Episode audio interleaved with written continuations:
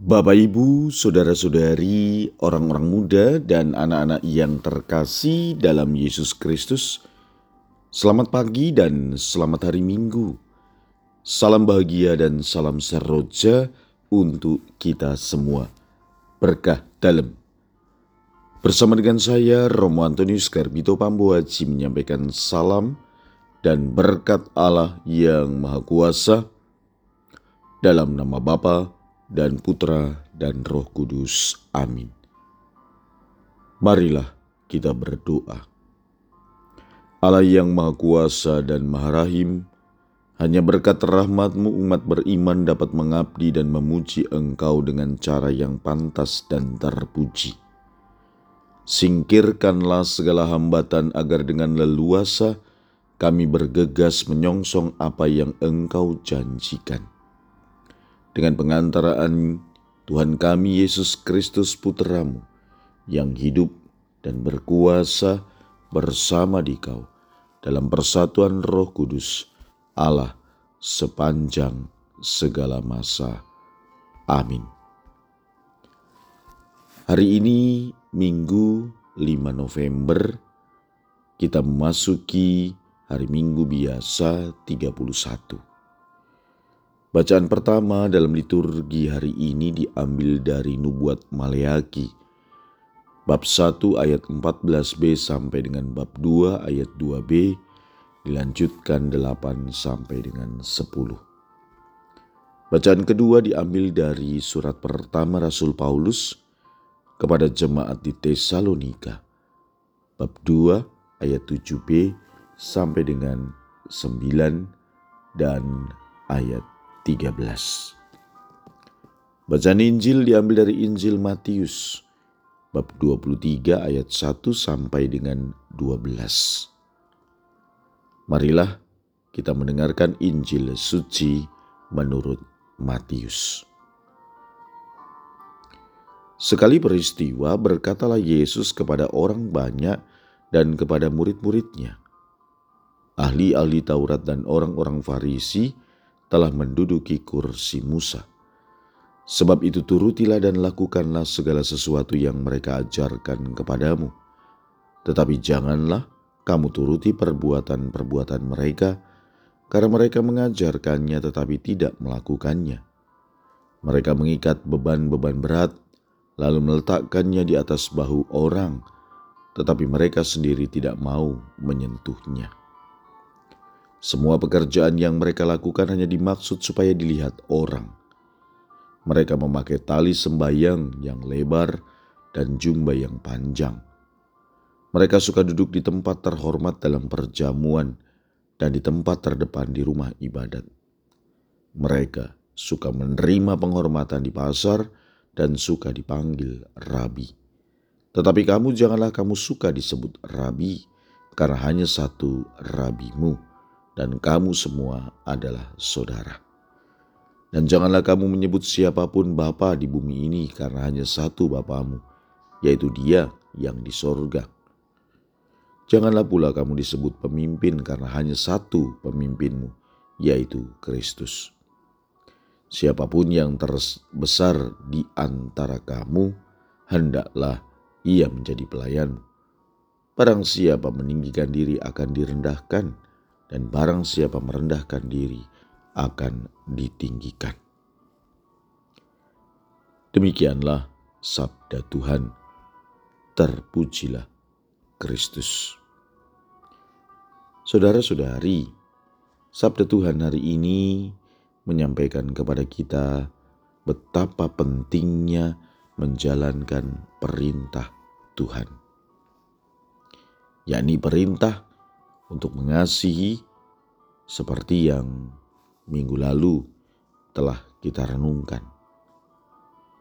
Nubuat Maleaki dalam bacaan pertama mengajarkan bahwa mengasihi menjadi satu tanggung jawab dan perlakuan yang tulus tanpa pandang bulu harus dimulai dari para imam ataupun pemimpin lalu juga harus diikuti oleh umat sekalian.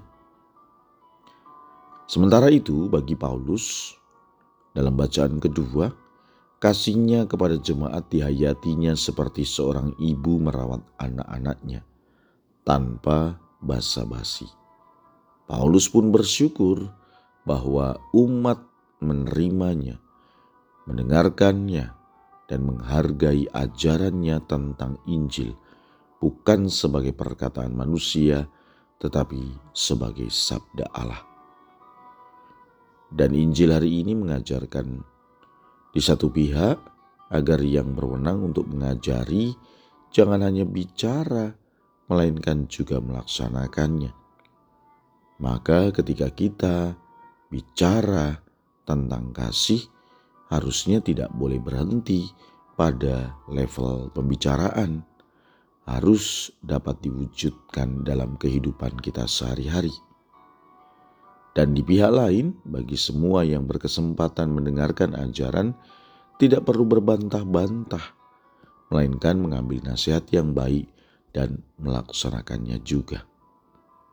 Jadi, kalau ada orang yang menasihati tentang bagaimana berbuat kasih, Bagaimana mewujudkan kasih itu tetapi sementara dia tidak atau sama sekali tidak melakukannya, janganlah kita mencela apa yang dia katakan, tetapi langsung sajalah berbuat sesuai dengan apa yang dia ajarkan.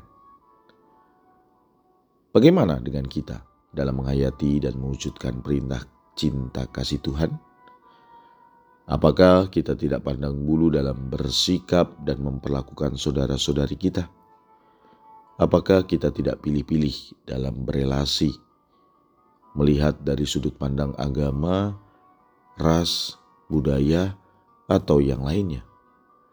Apakah kita tetap tulus dan menghadapi orang-orang lain, siapa saja sebagai saudara, dengan tidak ada rasa takut ataupun curiga? Apalagi merasa jijik. Apakah kita mudah menerima nasihat dan bisa mengambil yang positif atas pendapat orang lain? Apakah kita tidak mudah tersinggung dan cenderung berbantah-bantah mendengar kata orang atau perlakuannya? Apakah kita tidak mudah mengatakan, siapa lu? Atau berkaca dirilah? Atau nggak usah banyak omong deh, lu sendiri banyak diomongin. Untuk kata-kata, usulan, atau nasihat orang lain yang menusuk hati kita? Apakah kita bisa menerima dan mau menelaah teguran atau nasihat orang lain dan tidak sebaliknya ganti mencari kesalahannya dan langsung membalas nasihatnya? Memang kita harus saling menasihati, tetapi tidak harus selalu saling mempersalahkan. Tuhan Yesus mengajak kita agar mereka yang mau mendengarkan dan melaksanakan ajaran yang baik dan benar dari para ahli Taurat dan orang Farisi, meskipun ia tidak setuju dengan sikap dan kelakuan mereka. Maka, saudara-saudari, kita harus objektif, bisa mengambil manfaat dari hal-hal yang baik, meskipun tidak usah mencontoh hal-hal jelek. Jangan mudah terpancing untuk melihat yang jelek, apalagi membalas perbuatan jelek. Juga untuk sikap atau bahkan perbuatan jelek sekalipun dari orang lain terhadap kita. Marilah kita teguhkan hati kita untuk bisa melaksanakan perintah cinta kasih Tuhan dengan saling mendengarkan, saling menasehati dengan tulus. Dan yang paling penting adalah tidak mencari atau menunjukkan kesalahan tanpa merasa perlu untuk memperbaiki diri. Marilah kita budayakan sikap saling menghargai dan jauhkan dari hal-hal yang mudah terprovokasi. Marilah kita berdoa. Ya Allah, kami telah Engkau segarkan dengan santapan sabda Semoga daya kuasamu makin bertambah dalam hidup kami, agar dengan bantuanmu kami dipersiapkan menerima anugerah yang dijanjikan dalam sakramen ini. Dengan pengantaran Kristus Tuhan kami yang hidup dan berkuasa sepanjang segala masa. Berkat Allah yang Maha Kuasa, dalam nama Bapa dan Putra dan Roh Kudus. Amin.